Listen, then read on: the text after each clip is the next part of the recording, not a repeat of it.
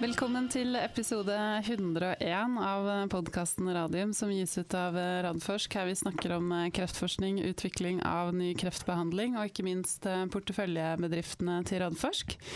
I dag er det 13. november 2019, og velkommen i studio, Jonas Einarsson heter du. Det heter jeg, som jeg pleier å gjøre.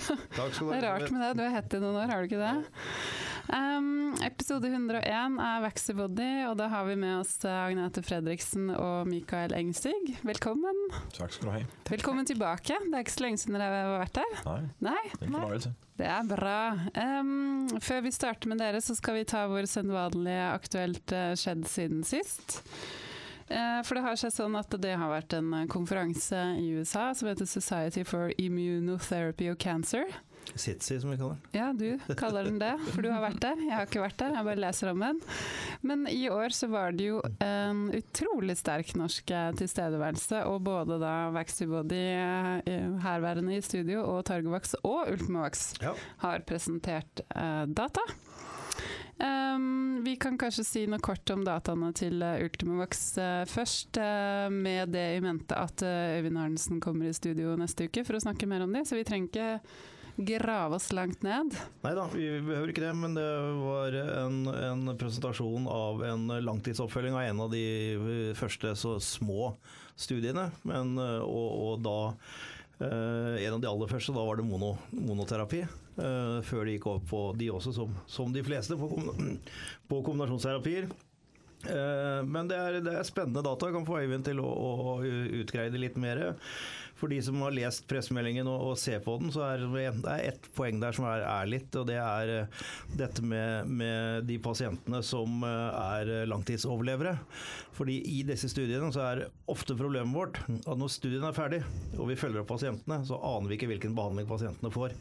Så hvis det er noen som lever lenge da, så kan de ha vært med i andre studier eller fått annen behandling. Mm. Men her har faktisk klinikerne gått inn og sjekka, og mm. ingen av, altså av disse langtidsoverleverne så har de kun fått den vaksinen, og ikke noe annen immunterapi i sedene. Så det er liksom et litt, litt, viktig poeng her, da. Ja. Men Øyvind kan gå mer inn på og det. Den, eh, men bare for å si det, det tallet, da. Det er da 7 av 18 pasienter som er i live etter, etter fire år.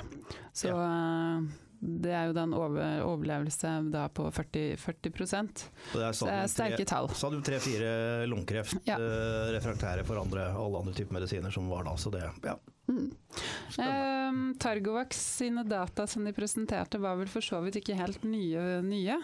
De har vel sendt ut noen meldinger om de tidligere? Ja, det kan vi henvise til forrige til episode av podkasten. Episode 100, mener du? Episode 100. Da var jo Torbjørn Furuseth og greide ut om de. Det er også, ja. også spennende data. Ja. Så det, det, er bra. Og så er det jo Vaxibody sine, men det kommer vi tilbake til.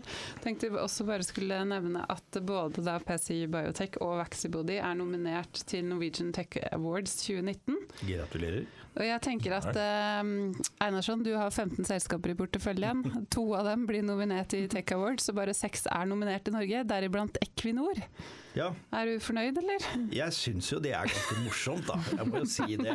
Det er eh, Fra vi starta i, i, det små med disse selskapene, sånn uh, tidlig på 2000-tallet og fram til det vi har nå, så er jo det klart at det er, det er kjempegøy. Så jeg har fått spørsmål da, som jeg alltid får, at hvem av de bør man stemme på? Begge. Og det er, det er helt klart. For jeg har lurt systemet.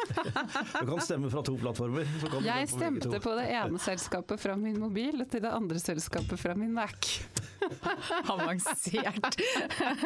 da, da, har vi ikke skilt mellom våre Vi kan ikke velge mellom barna våre. Det går ikke. Men vi trenger jo mange stemmer hvis vi skal ja, Vi må jo oppfordre uansett ja. til å stemme på Oxybody, og etter, etter, dagens presentasjon så tror jeg det er mange som kommer til å stemme.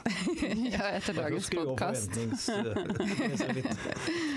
Um, nei, men da, da, må vi over til dere. Jeg tenker Vi må begynne med en kort introduksjon til selskapet, i tilfelle vi har noen nye lyttere, eller lyttere som ikke kjenner, kjenner Vaxibody, så de ikke faller av lasset før vi har begynt. Uh, og nå sitter de og nikker mot hverandre, både Agnete og Mikael. Vi tar deg, vi, Mikael. Det er ikke damene først her i studio. Nej, men jeg, jeg, jeg, håper de fleste er fuldt bekendte med, med Vaxibody, men, men øh, det er jo et, et, et, uh, fantastisk norsk øh, historie, succeshistorie, Grundlagt i 2007 af øh, blandt Agnete, baseret på forskning foretaget her i, i Oslo. Um, og, og derfor er det gået stærkt. Um, da jeg begyndte at arbejde med Vaxibody for to og et halvt år siden, der tror jeg, der var 7-8 i, i selskabet. Og øh, nu, laver, nu var vi 28 eller 28 ved, ved sidste optælling. Mm. Så det går rigtig stærkt, og, og vi må snart finde nye steder at være. Øh, så vi, vi vokser ud af kontorerne. Øh, kernen i, i selskabet er jo Vaxibody-teknologien. Og øh, hvis vi skal beskrive den meget kort, så handler det jo i al sin enkelhed om at prøve at målstyre øh, antigenerne, som vi vaccinerer med, hen imod de rigtige øh, såkaldte antigenpræsenterende celler. Og det, det er i al sin enkelhed, hvad det går ud på. Og så er, er noget af det smukke, det er vores, den, den måde, vi kan meget fleksibelt udskifte vores antigener. Og det kan bruges til en lang række øh, anvendelsesområder, øh, også inden for bredt inden for, for cancervacciner. Øh, og øh, det vi præsenterede i går, det er selvfølgelig øh, i, i den sammenhæng, der hedder neoantigen. Øh, Sætning så Agnete, hun kunne fortælle mere om det. Men det er jo der, hvor vi går ind og bestemmer den øh, enkelte patients egne mutationer i øh, sine øh, cancerlesioner og skaber en vaccine i direkte målstyret mod, mod de specifikke lesioner. Og det er jo en helt fantastisk øh, innovativ teknologi og, og unik og øh, der er ikke mange øh, selskaber, der, der er i samme område. Og, og når vi så samtidig begynder at få indtryk af, at det vi laver, det, det slår de andre øh, flere længder af banen, jamen så er det jo bare, som vi siger, kæmpe bøj. Da er det, da er det greit å være sjef? Det er lige præcis. Det er det. det er Veldig bra. Du refererte til gårsdagen, bare sånn for de som ikke veit det, så var det da kapitalmarkedsdag som dere arrangerte, eh, hvor dere presenterte da ganske inngående dataene mm, på den persontilpassa vaksina. Eh, og jeg må si det er lenge siden jeg har vært i et rom som var så fullt av eh, dresskledde strigla menn. Og så var det meg. og Susanne Steffels, tror jeg, som var blondine der. Ja. Resten var sånn Eh, hvor mange kan det ha vært? 100 stykker? Ish? Ja, ca. 100, tror jeg. Mm, ja. Så, og de fikk jo en, en uh, veldig eh, fin presentasjon av deg, Agnete, og også um, fra Ulrich Granser. Vi kan snakke litt mer om det han sa etterpå. Men kan ikke du gå litt gjennom de dataene som du så fint uh, gjorde i går? Jo, det kan jeg jo gjøre. Um, um, det er jo det er litt sånn komplisert, fordi det er en uh, veldig viktig hva slags pasientpopulasjon det er. Så det er jo veldig sånn uh, pasienter som har fått mange behandlinger før de er innrullert i studien og feilet de behandlingene. Og så har de også gått på den sjekkpunkthemmer som eh, veldig mange kombinerer med en vaksine. Men de har gått på sjekkpunkthemmeren ganske lenge um, før vi begynner å vaksinere de.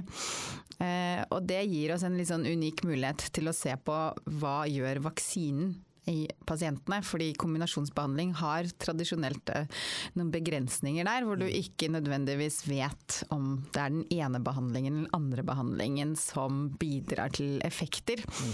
Spesielt når du da starter de samtidig. Uh, og sjekkpunkthemmere har um, historisk sett i alle data, i alle indikasjoner egentlig, mest effekt på tumorene de første månedene etter at du starter behandlingen. Så når vi kommer inn etter at pasientene har gått minst ni måneder på sjekkpunkthemmer, eh, og de har stabil sykdom eller progredierer, så, så er det normalt sett ingen endring i positiv retning. Eh, vi bare fortsetter med sjekkpunkthemmeren. Så de endringene som skjer, er vi jo da veldig trygge på at det er pga. vaksinen. Mm. Eh, og det er jo det som vi eh, Så mye som vi kunne håpet på, så er det da eh, egentlig fire av fire pasienter som har hode-halskreft, som har eh, enten da fått en mindre lesjon, eller mindre lesjoner, mm. Etter at de startet vaksinering.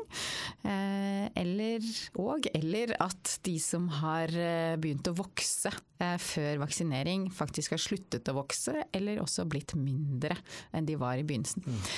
Eh, så det er jo sånn man håper på, som mm. vi stort sett, eh, jeg vil si, stort sett hele feltet egentlig bare har sett i mus. Ja. Før. Mm, mm. Og nå ser vi omtrent akkurat det samme i, i mennesker. Mm. Uh, og det er jo noe vi syns er uh, sånn fantastisk og revolusjonerende. Vi så det i fire og fire hode-hals-kreftpasienter, og den ene lungekreftpasienten. Og den ene melanompasienten. Ja, så har vi én av uh, åtte nyre. Så så det er veldig spennende data. Og de andre pasientene som vi ikke nødvendigvis ser at går ned, da har vi jo heller ingen av de som progrederer raskt etter vaksinering. Så, så det er veldig sterke data, syns vi, bare ved å se på lesjonene. Eh, og så er det jo da eh, det som jeg som er eh, forsker, og som jobber med immunforsvaret. Mm. Syns jo alltid når jeg hører andre presentere data at det er mye mer overbevisende når man kan vise til andre eh, datapunkter som tilsier at det skal fungere. Mm. Og at mekanismen er sånn som man mener og tror at den er. Og det er jo der dataene våre er litt sånn overraskende også korrelerende mm. foreløpig. Spesielt med tanke på at vaksinen vår er fullstendig persontilpasset. Så de har jo, alle pasientene har jo fått helt forskjellige vaksine.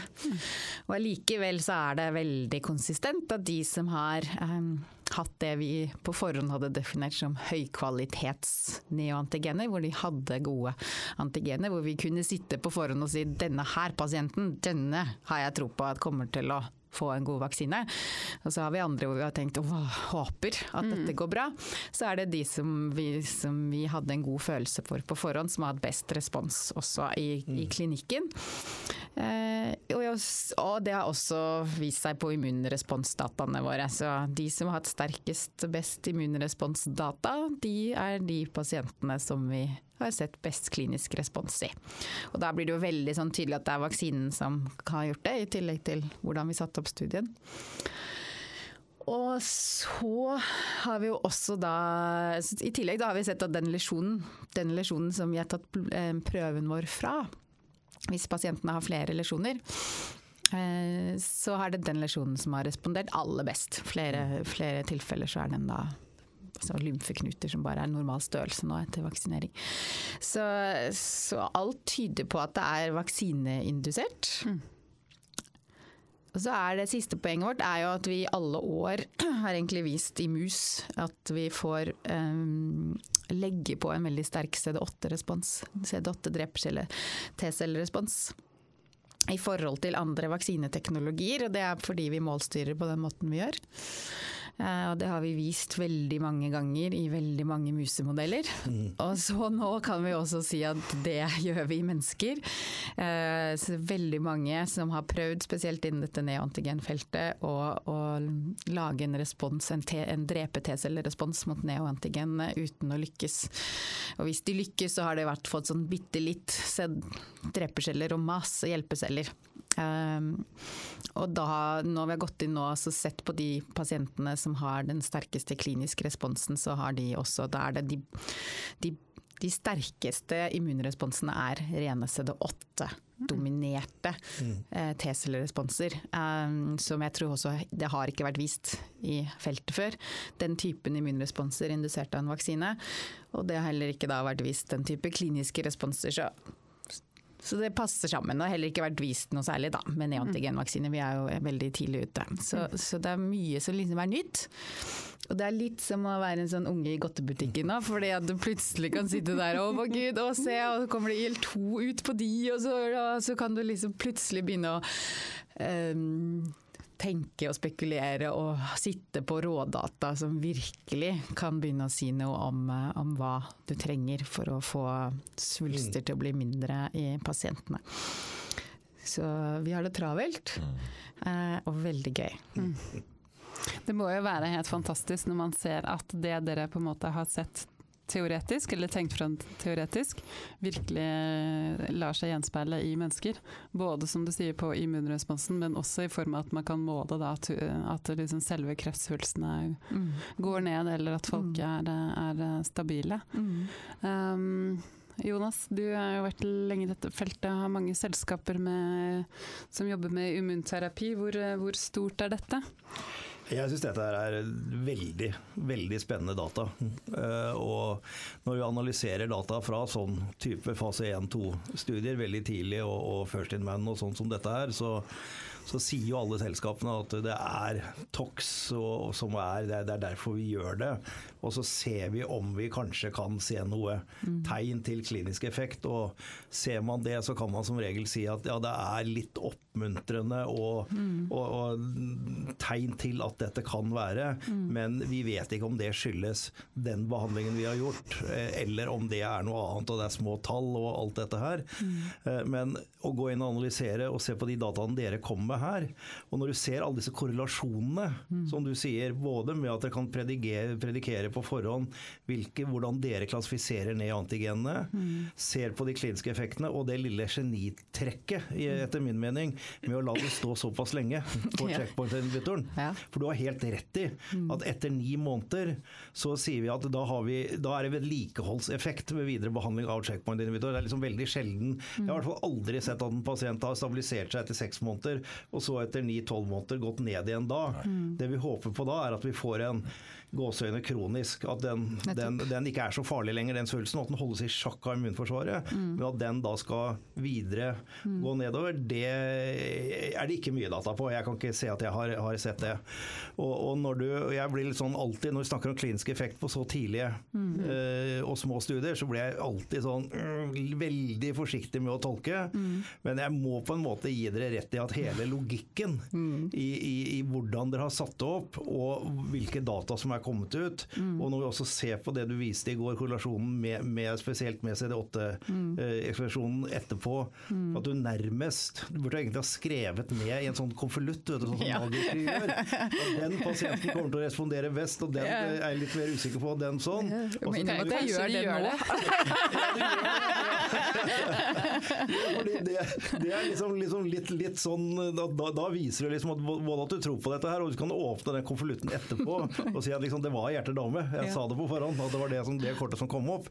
Da er det enda sterkere i korrelasjonen. Så mm. nei, jeg, jeg, må jo, og, og disclaimeren er selvfølgelig at vi er blant de største eierne i Voxybody, og jeg var jo vel en av de aller første som investerte i, i selskapet gjennom Radforsk i sin tid, og har mm. fulgt det både i styret og kollegaen min sitter, Anders Tuv sitter jo også i styret nå, så vi følger jo selskapet veldig nøye. Men nei, dette er veldig, veldig spennende. Jeg syns det, altså. Mm. Og så var det en annen ting jeg, tenkte over i går. For én ting er jo som du sier at fase én er jo egentlig du ser på sikkerhet. Mm. Det kunne dere godt sagt enda tydeligere. For vanlig så skal man ikke forvente effekt. Nei, det fikk jeg spørsmål, spørsmål om etterpå. Ja. ja. Men hva med toxen, da? Ja. Hva, var det masse bivirkninger? De sa jo ikke et ord om bivirkningene. Jeg gjorde ikke det. Nei, ikke et eneste ord Dere gjorde ikke det. Og i immunterapi så er bivirkninger faktisk ganske stort problem. Nei, men vi har jo Ja, det, vi tar det kanskje litt for, um, for granted. For gitt. Ja, for gitt ja. heter det på norsk. Takk, Elisabeth. Nei, uh, vi har jo også gjort en annen studie i, um, um, med den HPV-vaksinen vår, hvor vi også hadde veldig, veldig ren uh, sikkerhetsprofil. Mm. Ja, så de får jo litt vondt og litt ømme i, på injeksjonsstedet stort sett, så det, det er det, ikke mye Nei. nei. Det, det, det sier meg, Agnete, det, det er at da betyr det at de T-cellene dere lager, ja de går til tumor, ja. og ikke andre steder. Nei. For det er jo på en måte den mm. crossover-effekten. Ja. At man også, og det har vi jo sett tidligere, han kommer tilbake til herr Glazer. Ja. Glazer heter det kanskje? Granser. Granser. Granser. Ja, men, men, men, nettopp det, det, han sier der, at uh, i, i tidlige fasen av utvikling av immunterapi, mm. uh, så har vi jo sett uh, veldig mm. skumle bivirkninger, og faktisk en av de aller første studiene som ble gjort i immunterapi, det vet sikkert du, så var det da var det vel fire studenter som alle havna på intensiven og holdt på å stryke med. Fordi man fikk denne effekten at det ikke var selektivt nok for tumor. Men når ikke dere har noe som bivirkningsprofil, så tenker jeg at da, da må den være sånn nærmest 100 selektiv. Mm. Ja, altså alt det der ligger jo i den derre eh, valget av neoantigener neantigener per pasient. Eh, og det er jo en del begrensninger. Altså vi, har vi har jo vært ganske strenge på alt som på noen som helst måte kunne tilsi at det skulle kunne komme en bivirkning. Mm. Så så får vi se hvordan det blir i framtiden. Men det er jo, altså hele prinsippet er jo at det skal være superspesifikt. Vi skal finne mål som bare finnes i tumorcellen, og vi er jo sikre på at det ikke er den egen, samme pasientens friske celler.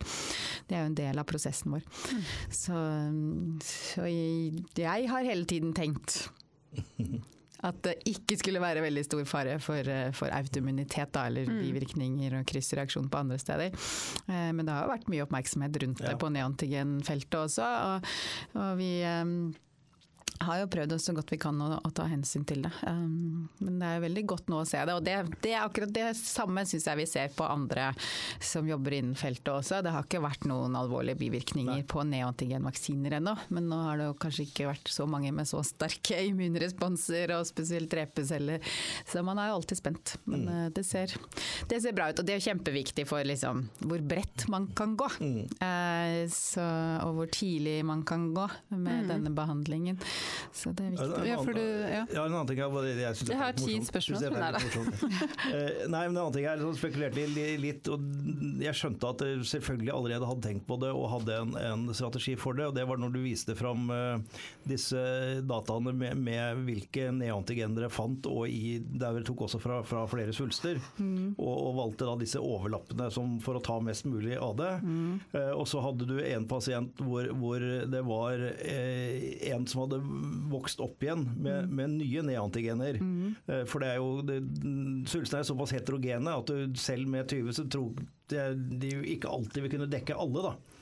Men, og, hvis da progresjonen kommer i en annen, eh, en, en annen svulst, men med den samme sykdommen, så betyr jo ikke det nødvendigvis at den første vaksinen har feila. Fordi cellene som har de mutasjonene, de er drept. Men da forstår jeg på det aller siste du sa der, at da kan du bare ta en ny biopsi av den svulsten og lage en ny Ja. vaksine som går mot de. Ja. Og sånn kan du egentlig fortsette med å holde det i sjakk. Er det riktig tenkt? Ja, og dette, jo, dette har vi hatt mange diskusjoner rundt i det siste, at det er jo faktisk ganske unikt. Um, fordi det er jo ingen andre behandlinger som nødvendigvis fungerer bedre første gang.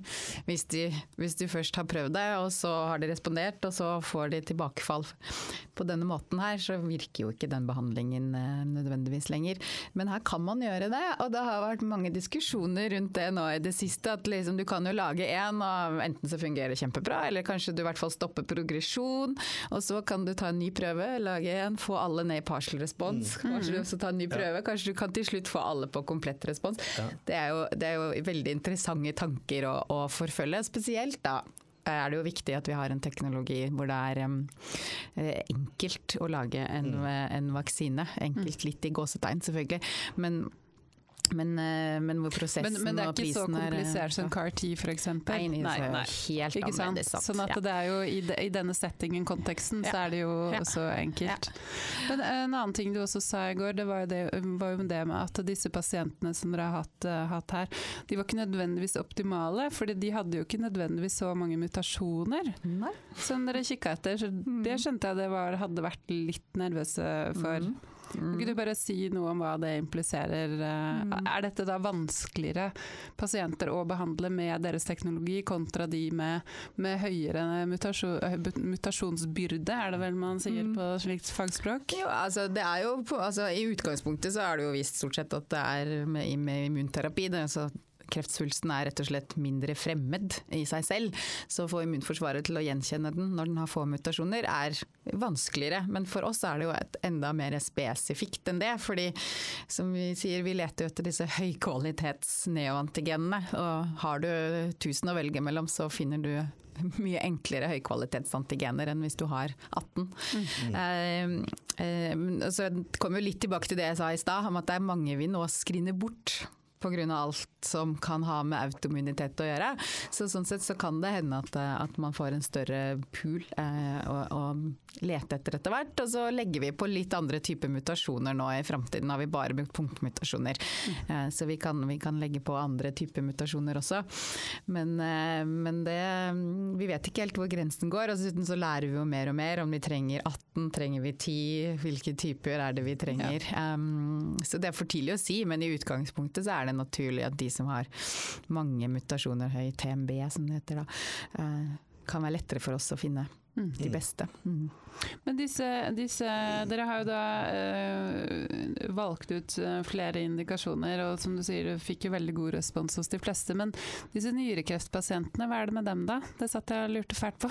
Jeg begynte nesten å google nyrekreft. Spesielt med dem? Altså, For der var det ikke så god, eh, god så de er jo respons. stabile, da, som er det beste du kan ha sett Ja. med noen kreftvaksiner før. Men i forhold til de andre I forhold til de andre syns Ja. vi er jo superspennende. Så, så nei, det er jo to ting som er veldig sånn evi, evident, jeg snakker litt engelsk, veldig sånn tydelig når vi ser fra, på det. Nettopp fra Washington. Ja.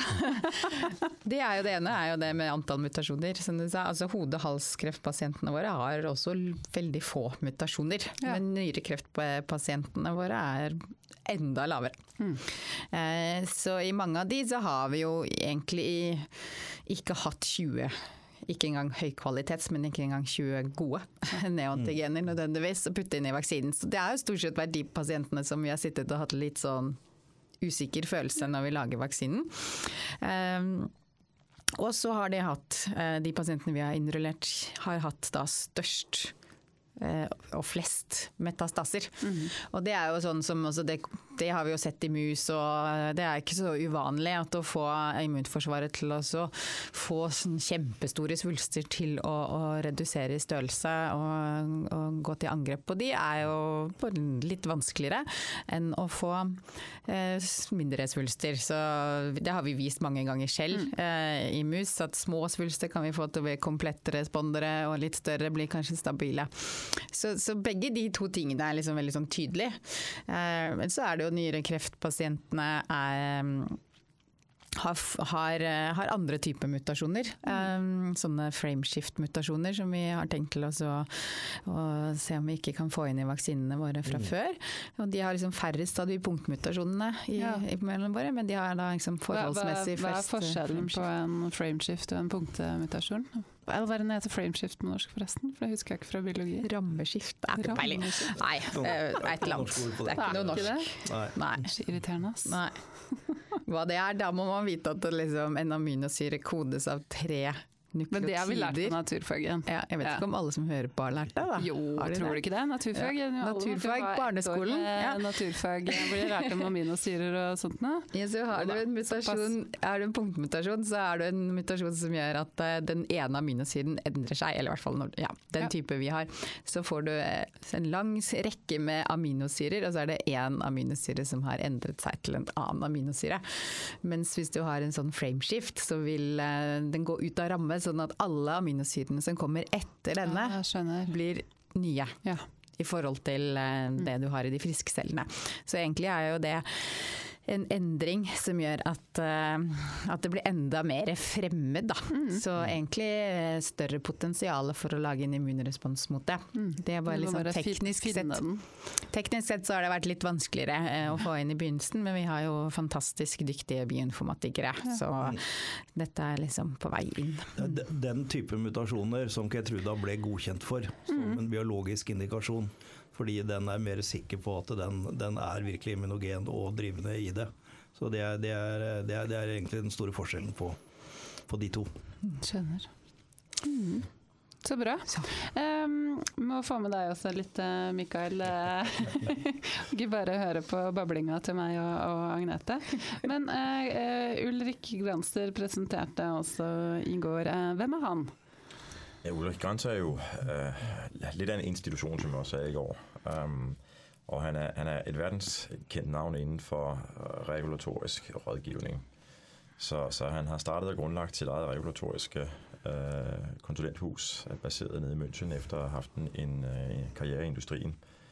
Og øh, fokuserer i dag primært på å hjelpe biotekselskaper så som Vaxibody, men, men fra hele verden med at øh, få den rette udviklingsplan øh, og, og strategi på plads. Og øh, han arbejder med alle de vigtige spillere og, og kender, til, øh, kender til hele feltet og, og har også indsigt i, hvor, hvordan de andres øh, data ser ud og, kan derfor tage alt det ind i sin, øh, i sin strategi.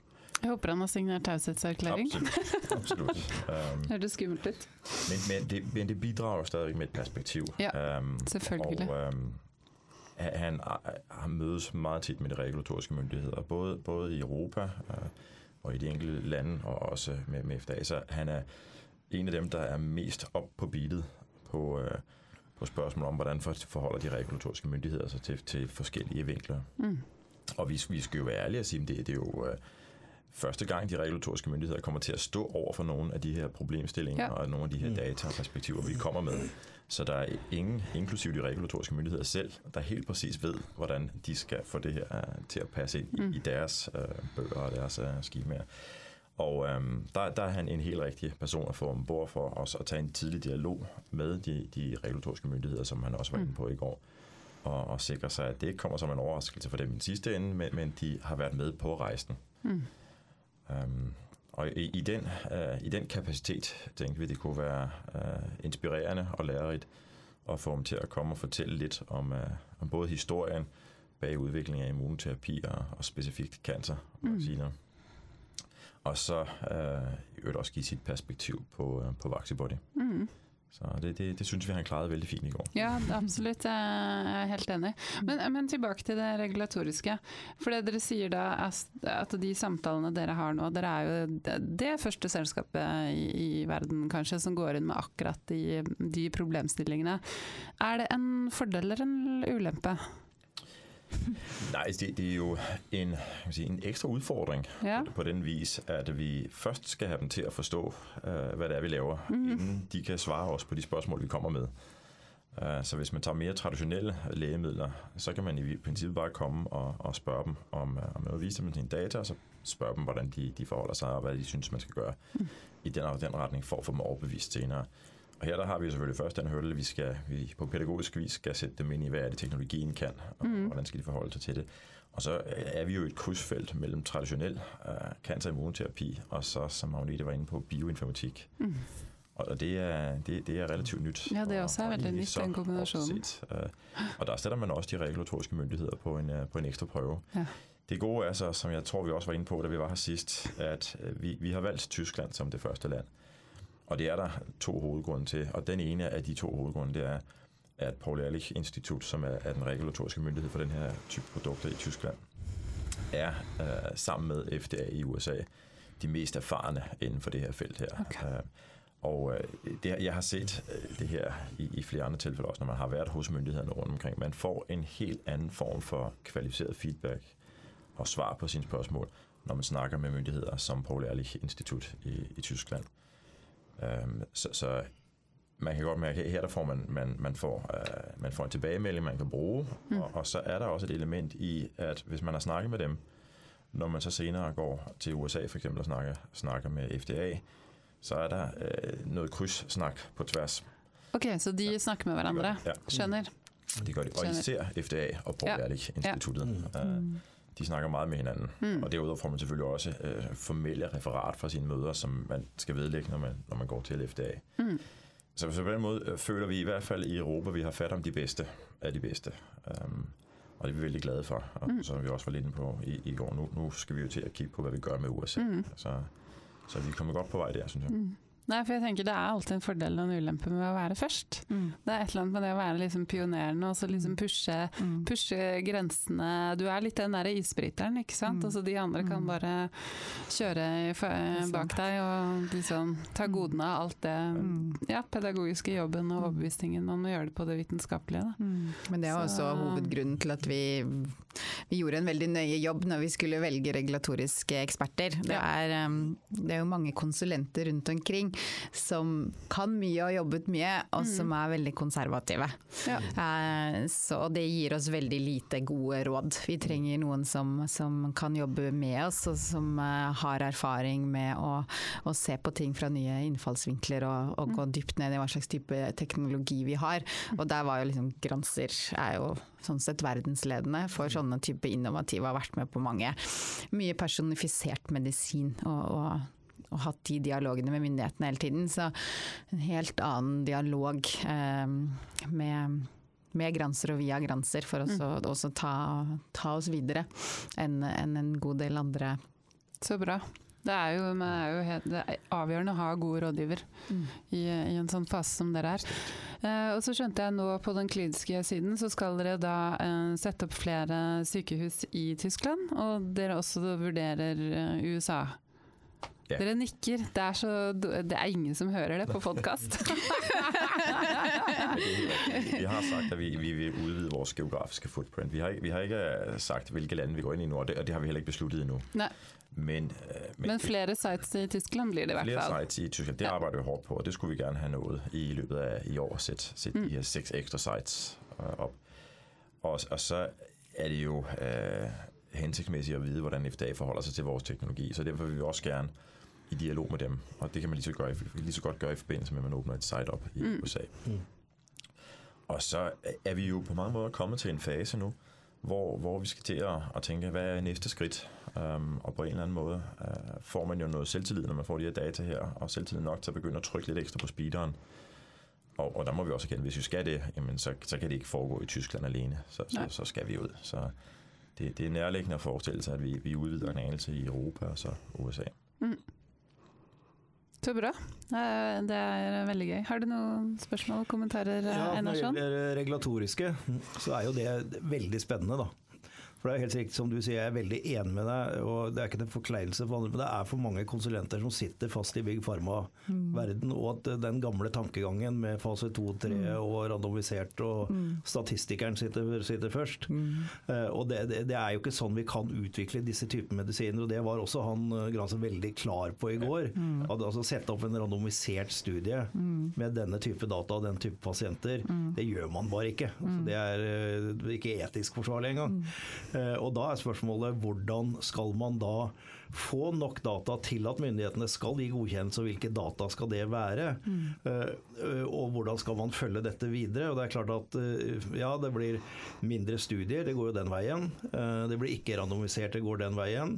Men hvor store krav skal man da sette til klinisk effekt for å kunne si at de i hvert fall får en, en eh, tillatelse til å begynne å markedsføre mens man kjører videre studier?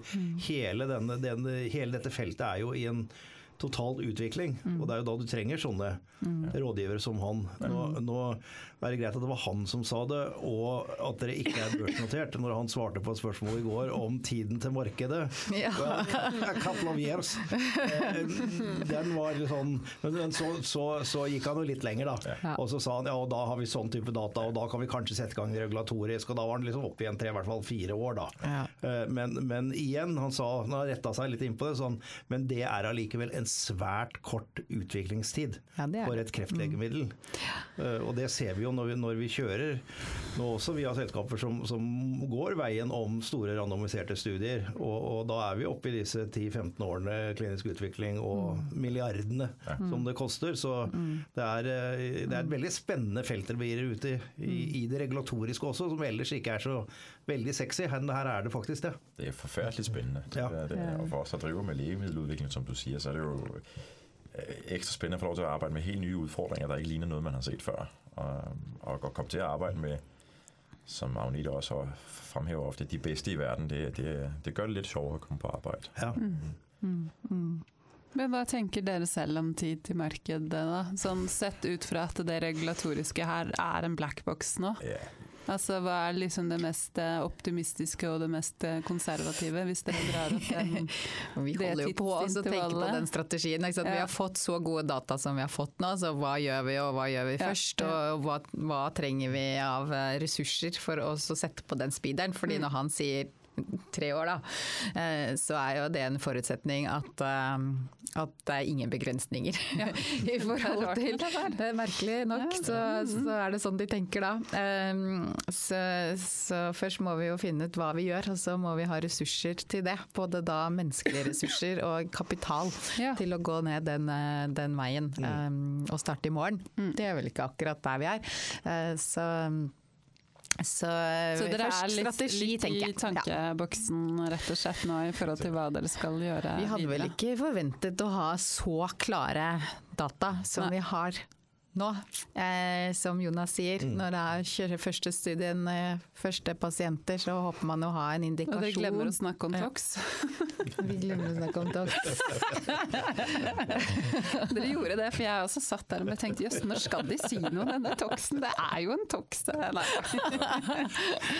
Tror vi sier self, safe and well tolerated. Ja, ja, det, Absolutt. det, er sant. Det, Ja. det er så, så implisitt. Kort oppsummert. Men, men eh, i forhold til kapital, er det der dere også er i tankeboksen i forhold til eh, veien videre da? Ja, Forstår jeg det sånn? Som Agnete hun siger, er- lige, nu er vi i en fase, hvor vi tenker strategi, Ja. um, og, og, og vi må fordøye de her data her. Og så er der vel uh, tre dimensjoner på en sånn strategi. Det ene er å finne ut av hva det er for en type uh, patienter, kraftpatienter, uh, type kraft, vi, vi, vi skal satse på. Og det andet spørgsmål, det er i, i hvilken setting. Er det, er det first line, eller er det adjuvant, eller er det uh, relapsing? Uh, og så tredje dimension, det er, uh, skal vi øh, undersøge yderligere, om det her det skal kombineres med andre, om vi får fantastiske effekter ud af det. Og nogle af de her ting har vi jo sat i gang. Vi starter jo uh, forhåbentlig, skal jeg jo sige, uh, snart uh, en arm i en kombination med Nectars Mm. uh, 214-produkt. Og det glæder vi os uh, usigeligt til at, at begynde at se de første data på. Uh, Mm. vi, vi har jo mange uh, både teoretiske og prækliniske indikationer, hvor det her det kunne blive spændende. Uh, så, så det, det ser vi frem til. Så, så den strategiproces, den, den skal vi lige igennem, og så, og så kan vi begynde at se på, hvad, hvad er det mest hensigtsmæssige næste skridt. Og, øh, og så kommer der selvfølgelig en, en, en overvejelse derefter, øh, om der er behov for mere kapital lige nu og her. Vi, vi er jo i den heldige situation, vi stadigvæk har 300 millioner norske, så, så det er jo ikke lige i morgen, vi skal Nei. bruge uh, pengene heldigvis. Skjønner. Og produksjon, der skjønte jeg også at uh, ting går kjempebra. Alt fungerer som det skal. Og så har dere lyst til å sette ned produksjonstiden. For nå var den på Var det tolv uker, husker jeg riktig? Ja, så det er jo stadig sånn mailer med, med champagneflasker og ny er det. Ja, Eh, ja. Så, det, så det går liksom Så stadig nedover. Vi har vært under tolv uker nå på det siste batchen. Men um, Hva, hva vil dere ned på? Hva tenker dere er liksom det optimale tids... eh, Nei, så egentlig så er dette eh, noe som er mer viktig um, på selvfølgelig på hvis vi skal gå i pasienter som, eh, som er relapsing eh, Mhm. fra, fra start når Ja. biopsien, så er det veldig viktig at vaksinen kommer på plass så fort som mulig. Så, så det er litt avhengig av det. I en sånn adjuvantsetting så er kanskje ikke presset på tid like stort. Så, mm. men, um, men vi er jo egentlig veldig um, trygge på at vi kan komme ned i um, jeg syns alltid det tallet. Noen få uker. Eh, eh, når Sa du veldig fort? si det, si det så en gang slem til, litt, blikk fra eh, høyre her. Ja, eh, når, vi, når alt er under ett tak. Altså, vi, har, vi sender jo nå eh, deler av vaksinen vår rundt omkring i hele verden. Den er til Ja, og med den, Kina. den reisetiden der, Ja. der er det mye å kutte på. Ja, det er Så hvis man da har ett produksjonslokale, Ja. typ fabrikk, Ja. i, i hermetegn, Ja. da har du på en måte kutta Du har tatt av veldig mye bare ved å slutte å sende det og, Mm, eh, og, og jobbe på lørdag og søndag. Det er jo noen som kan gjøre det òg, tenker jeg. Eh, når det sitter syke pasienter og venter, så er jo det absolutt verdt å gjøre i, i framtiden. Mm. Eh, og så jobber vi jo hele tiden med, med myndighetene, og, og når med en gang vi dokumenterer nå liksom i de første batchene at dette her har gått sånn og sånn og sånn, så får vi både erfaring og, og myndighetene eh, får trygghet når de ser data på, på eh, våre ideer, da, for å så- så korte ned tiden. eh, eh, som vi nå bruker hos de forskjellige, eh, uansett, ned i tid. Og så er det teknologiutvikling. Det har jo vært allerede en ganske dramatisk teknologiutvikling på sekvenseringssiden, som har kortet ned eh, flere, flere dager der. Det hjelper Det oss jo også. Det er jo liksom ikke noe vi har tatt inn eh, nødvendigvis i kalkuleringene med, med hvor raskt dette kan gå i framtiden. Men, eh, men vi er jo helt sikre på at vi kommer til å være competitive eh, på tid og kostnader. Egentlig begge deler. Mm. Eh, fordi de fleste andre vaksineteknologier lager først et DNA-plasmid, og så lager de enten en RNA-vaksine eller en viral vaksine eller en bakteriell vaksine eller noe. Så, så helt sånn logisk sett så vil det være raskere, Mm. billigere. Eh, og så vet vi også at det er veldig robust. Men Og så den si, ja. ja. det, er en tredje dimensjon, det er suksessraten i å produsere. producere. Ja, det, ja. det skal meget gjerne være sånn at når en pasient sætter, Nå, undskyld, når en læge sætter sin patient på, på uh, Vaxibody i fremtiden, så har han en uh, nær 100 sandsynlighed for, at der kommer et produkt tilbage i den anden ende, øh, efter øh, et vist antal uger, som hun ikke hun sagde. og, og der har vi jo indikationer der, vi også ligger bedst i den klare stad. Vi, vi hører jo fra de andre, at nogle af dem ligger og slås med succesrater på 70 procent. 27? 70. Så Ja, det- ah, 70, ja. ja. ja. tak. Men det er, da er jo tre av ti er- pasienter som går inn i dette og forventer å få dette produktet, og dette er syke pasienter. Og legen ja, på en måte legger litt hodet på blokka, og så er det tre av ti som da ikke får produktet. Det det er, en, eh, Mm. det er per i dag en stor utfordring for den si. selvterapien som vi har i dag. Altså. Og spesielt hvis det er et alternativ, der har en høyere Ja. suksessrate, så, så, så tror jeg, så overlever man ikke med, med Mm. sådan en succesrate. Mm. Så det er viktig for oss også. Ja. Og det har vi jo Vi har en som eh, står med pisken eh, fra tidlig morgen til sent på natt hver dag Mm. for å sørge for at alt dette har eh, gått på skinner eh, hittil. Mm. Og det er jo nesten en, en, en mer komplisert jobb nå, hvor det er så mange ulike aktører involvert, Absolutt. enn hvis man har sin egen eh, fabrikk. Så, så det, er, det er mye ære til enkelte personer, inkludert Mette Husby. Mm. Mm.